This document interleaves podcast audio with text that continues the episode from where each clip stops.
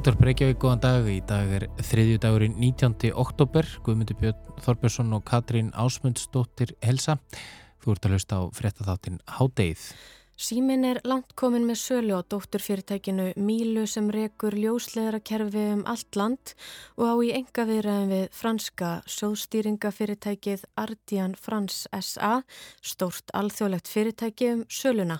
Salan á Mílu var þetta á fundi þjóðarurikisráðs í gær, enda rekur ráðs í gær, enda rekur Míla stóra fjarskipta innviði á Íslandi. En hvers vegna er símin að selja Mílu og hvað þýðir það? Við fjöllum við málið í síðari hluta þáttarins. En fyrst yfir í allt aðra sálma.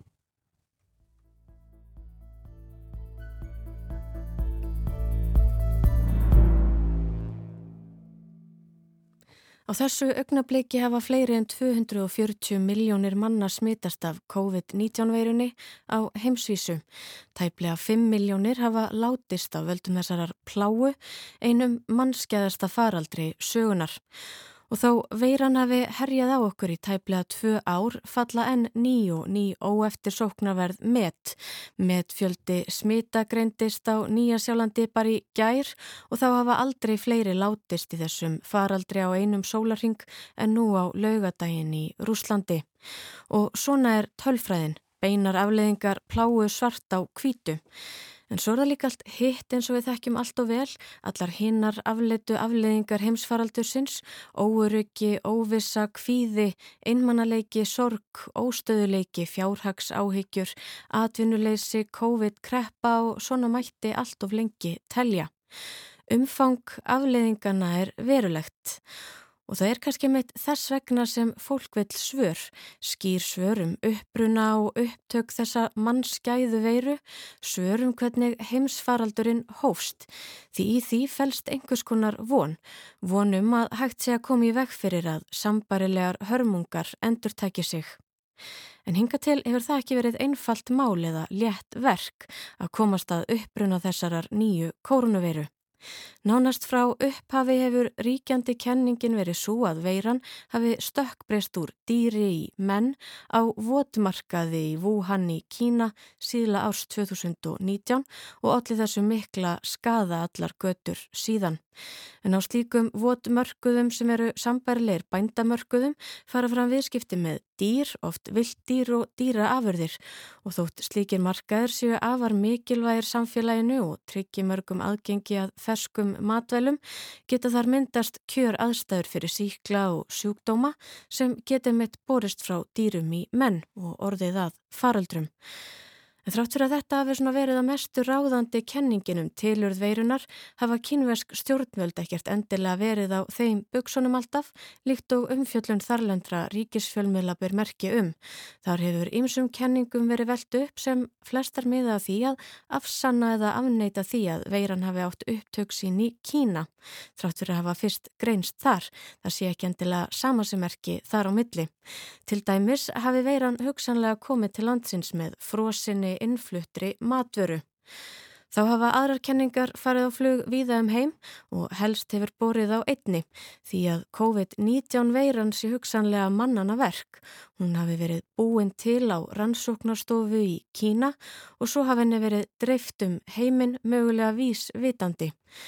Eitt þeirra sem hefur haldið þessu fram nánast frá upphafi er þáverandi bandaríkjafósetti Donald Trump sem sagðist sjálfur hafa séð sönnunagögn sem leiti þetta í ljós tengdu veiruna við rannsóknastofu í Wuhan í Kína.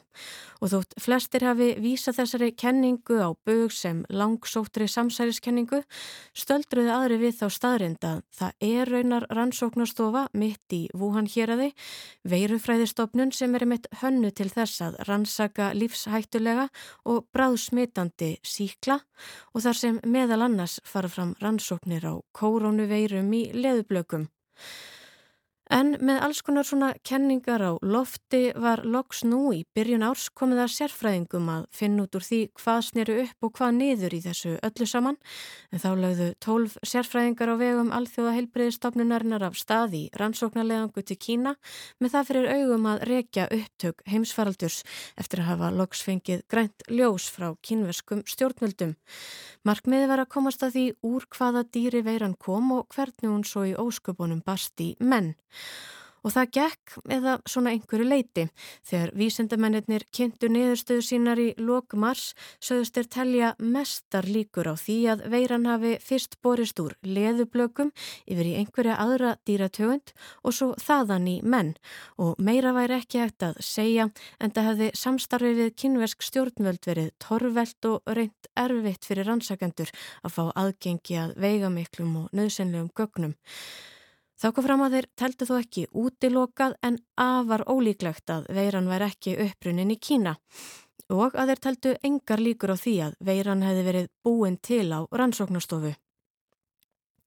Svör eða niðurstöður sem vissulega kannski voru ekki afgerandi og mörgum þótti ófullnægandi meðal annars Joe Biden bandaríkjafósita.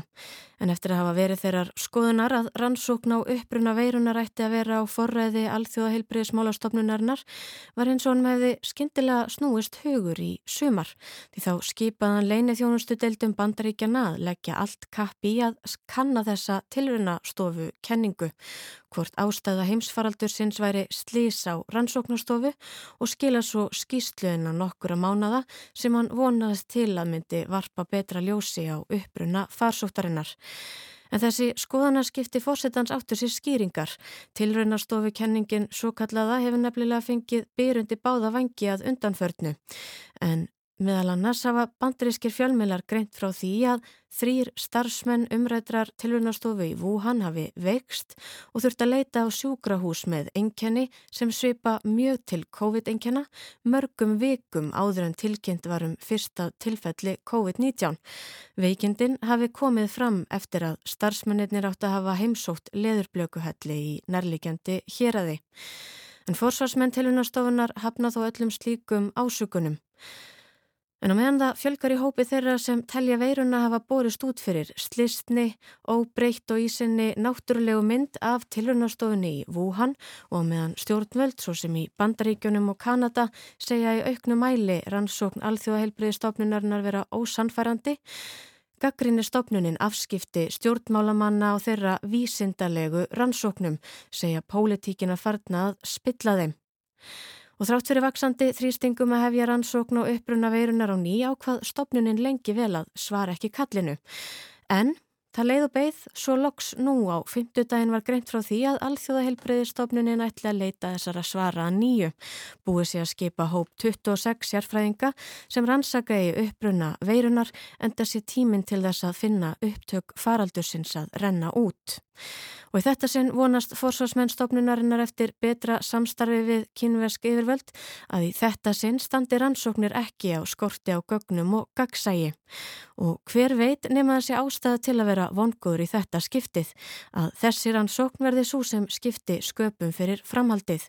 Við í hátteginu munum að minnstakosti fylgjast vel með störfum þessara vísindamanna sem eflust finna vel fyrir ábyrðinni og vökulu auga almennings, þeim vonum og væntingum sem liggja í loftinu.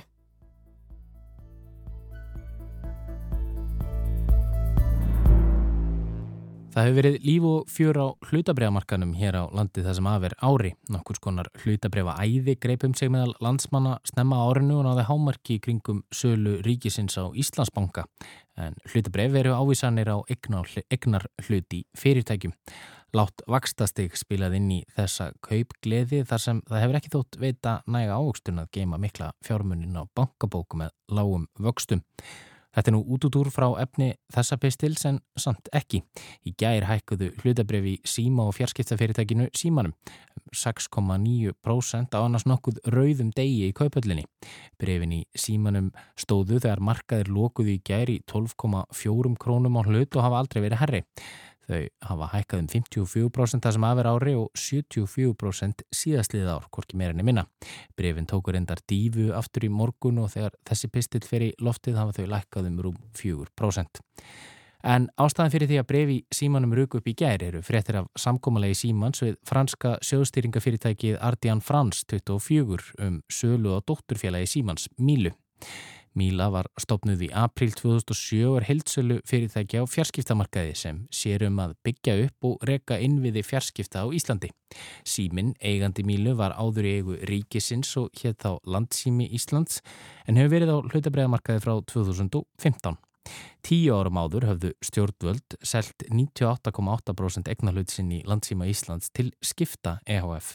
Sala ríkisins á landsímanum var umdelt á sínum tíma en í dag er stærsti einstakki hluthafi símans fjárfæstingafélagið Stóðir sem á reyfilega 15% að hluti félaginu. Dótturfélagið Míla heldur upp í rekstri uppbyggingu og viðhaldi fjarskiptanets símans og um áramótin tók Míla EHF yfir egnarhald og rekstur fjarskipta kerfa sem áður voru hjá símanum. Það er farsíma dreifikerfi og MPLS gagnaflutningsnett bæði innan lands og utan. Míla á og rekur þannig grunnkerfi fjarskipta á Íslandi, koparkerfi, ljósleðara og örbylgukerfi sem heimili og fyrirtæki nota um land allt auk ofinbæra stofnana. Með viðskiptavina, viðskiptavina þeirra sem treyst á þjónustu Mílu eru neyðalínan 112, Ísafi sem annast uppbyggingu og rekstur keflægufljóðallar og ríkisúttarpið, RÚF. Í september á síðast ári greindi kjarnin frá því að fjárfestar hefðu lagt fram óformlegar fyrirspilni til símansum möguleg kaup á Mílu. Símin var þá að skoða hvort hægt var að fjármagna Mílu sérstaklega í stað þess að fjármagna samstæðu fyrirtækisinn sem eina einingu.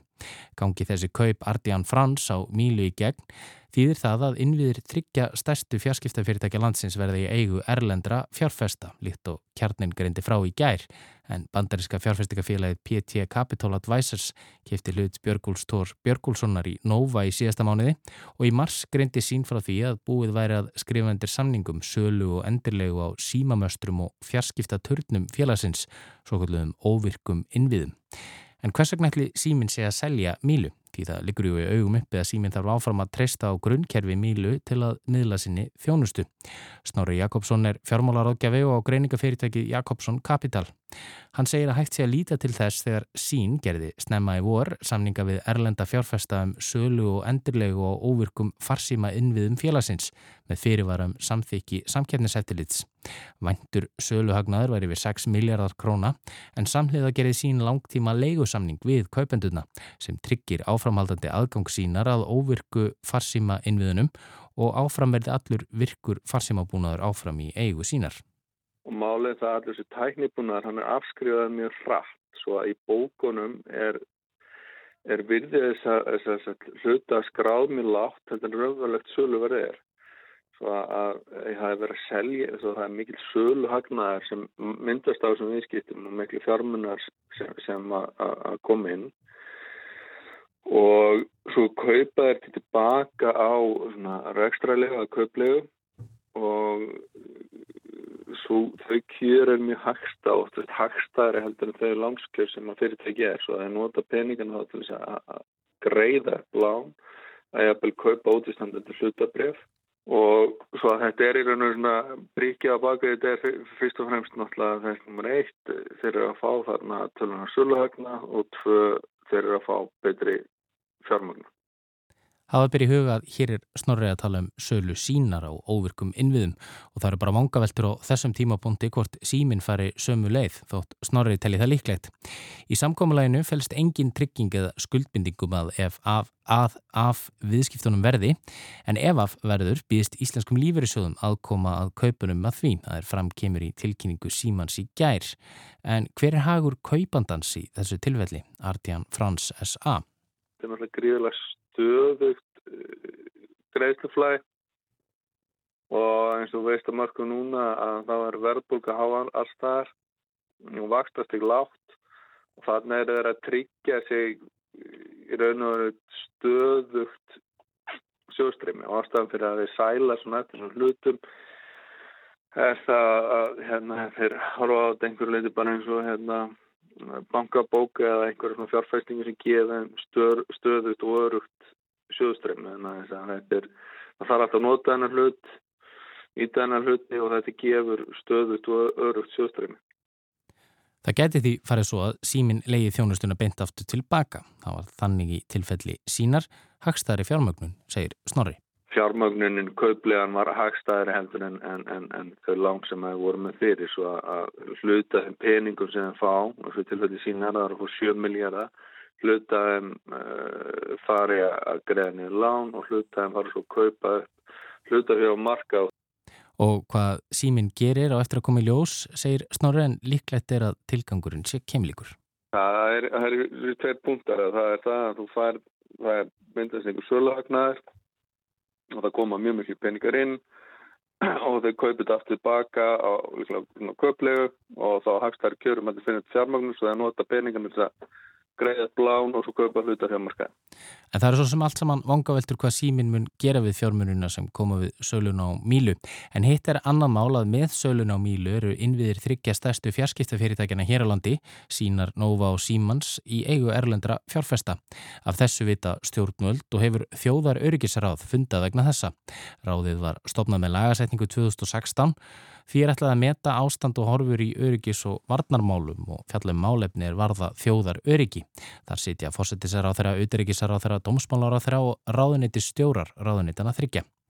Í samtali við fréttastofu Rúvi Gjær sagði Katrín Jakobsdóttir fórsetisar á þeirra að málið hefði verið tekið upp á fundum þjóðar öryggis ráðs og í kjölfarið hefði verið sett af stað skoðun á mikilvægi þessara innviða fyrir bæði þjóðar og almanna öryggi.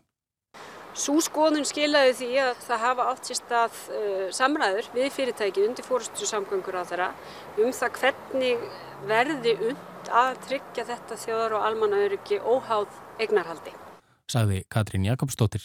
Sigurður Ingi Jóhansson, samgöngur á þeirra, segir að þegar Nova hafi verið selt á sínum tíma og sín hafi selt óvirka einvið í farsímakerfi sínu til erlendra fjárfösta, hafi þeir hagsmunir ekki verið þaldir meiri háttar. Það sé þó ekki þannig með söluna á mílu. En aftur á móti þegar að komað að þessari sölu á innviðum, óverkum innviðum hjá Mílu að þá höfum við líka verið með það til skoðunar og höfum farið í þá vegferð til þess að tryggja ákveðna þjóðar örgis hagsmunni að taka upp uh, samtal við stjórn Mílu til að tryggja það og uh, það samtal gengur bara ákveðlega sagði Sigur Ringi í samtali við frettastofu í gær. Í nágrannaríkjum okkar, Danmörk og Noregi og víðar eru lagaheimildir sem hveða á um ríni á erlendum fjárfestingum sem teljast af að gildi fyrir almanna og þjóðaröryggi. Fossetis ráð þeirra segist vonast til að slíkt frumvarp erið lagt fram á alþingi á komandi þingveitri. Þá hafi einnig verið rætt á fundum þjóðaröryggis ráðsins að það sé mikilvægt að heimild sé fyrir slíkri ríni hér á landi. Svo stjórnvöld geti brúðist við, meti þau það svo að öryggi landsins sé ógnað með einhverjum hætti.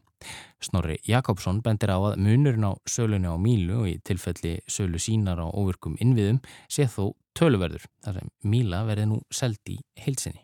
Í tilfelli sínar voru þeir bara að selja óvirka fjarskiptin við en, en þetta er svona starri pakki í tilfelli Mílu sem verður að selja allt fyrirtækið sko. Viðræðarum fyrirhugaða sölu Mílu voru á dagskrá ríkistjórnar fundar í dag og þá var rætt við fórustu fólk stjórnarandstöðunar í hátægisfréttum. Þar saði Lógi Einarsson, formadur samfélkingar, að erlendir fjárfæstingarsjóðir sem við vissum ekkert um, saði hann, eignuðist nú Mílu og þá veri augljóst að lögjafinn þurft að taka þetta mál förstum tökum og tryggja öryggi almennings.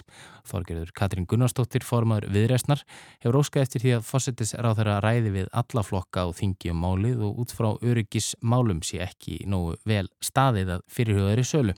Hún gaggrindi fósittisar á þeirra fyrir ummali hennar í fréttum í Rúvi gær þar sem Katrín Jakobsdóttir bóðaði fyrirnæmt frumvarp sem heimilaði stjórnvöldum að rína betur í kaup erlendra fjárfesta á innviðum þar sem salan hefði jú leið fyrir lengi. Ég velti fyrir mér hvað þjóðaröryggisáði búið að gera alla þennan tíma. Því þetta er reysa öryggismál fyrir okkur Íslitinga og ég trú ekki öðru heldur en að þjóðuröryggisráðið sé búið að kortleika þetta allt en ég sínist nú á, á flestu að, að heimavinnan hafi ekki verið unni nægilega vel.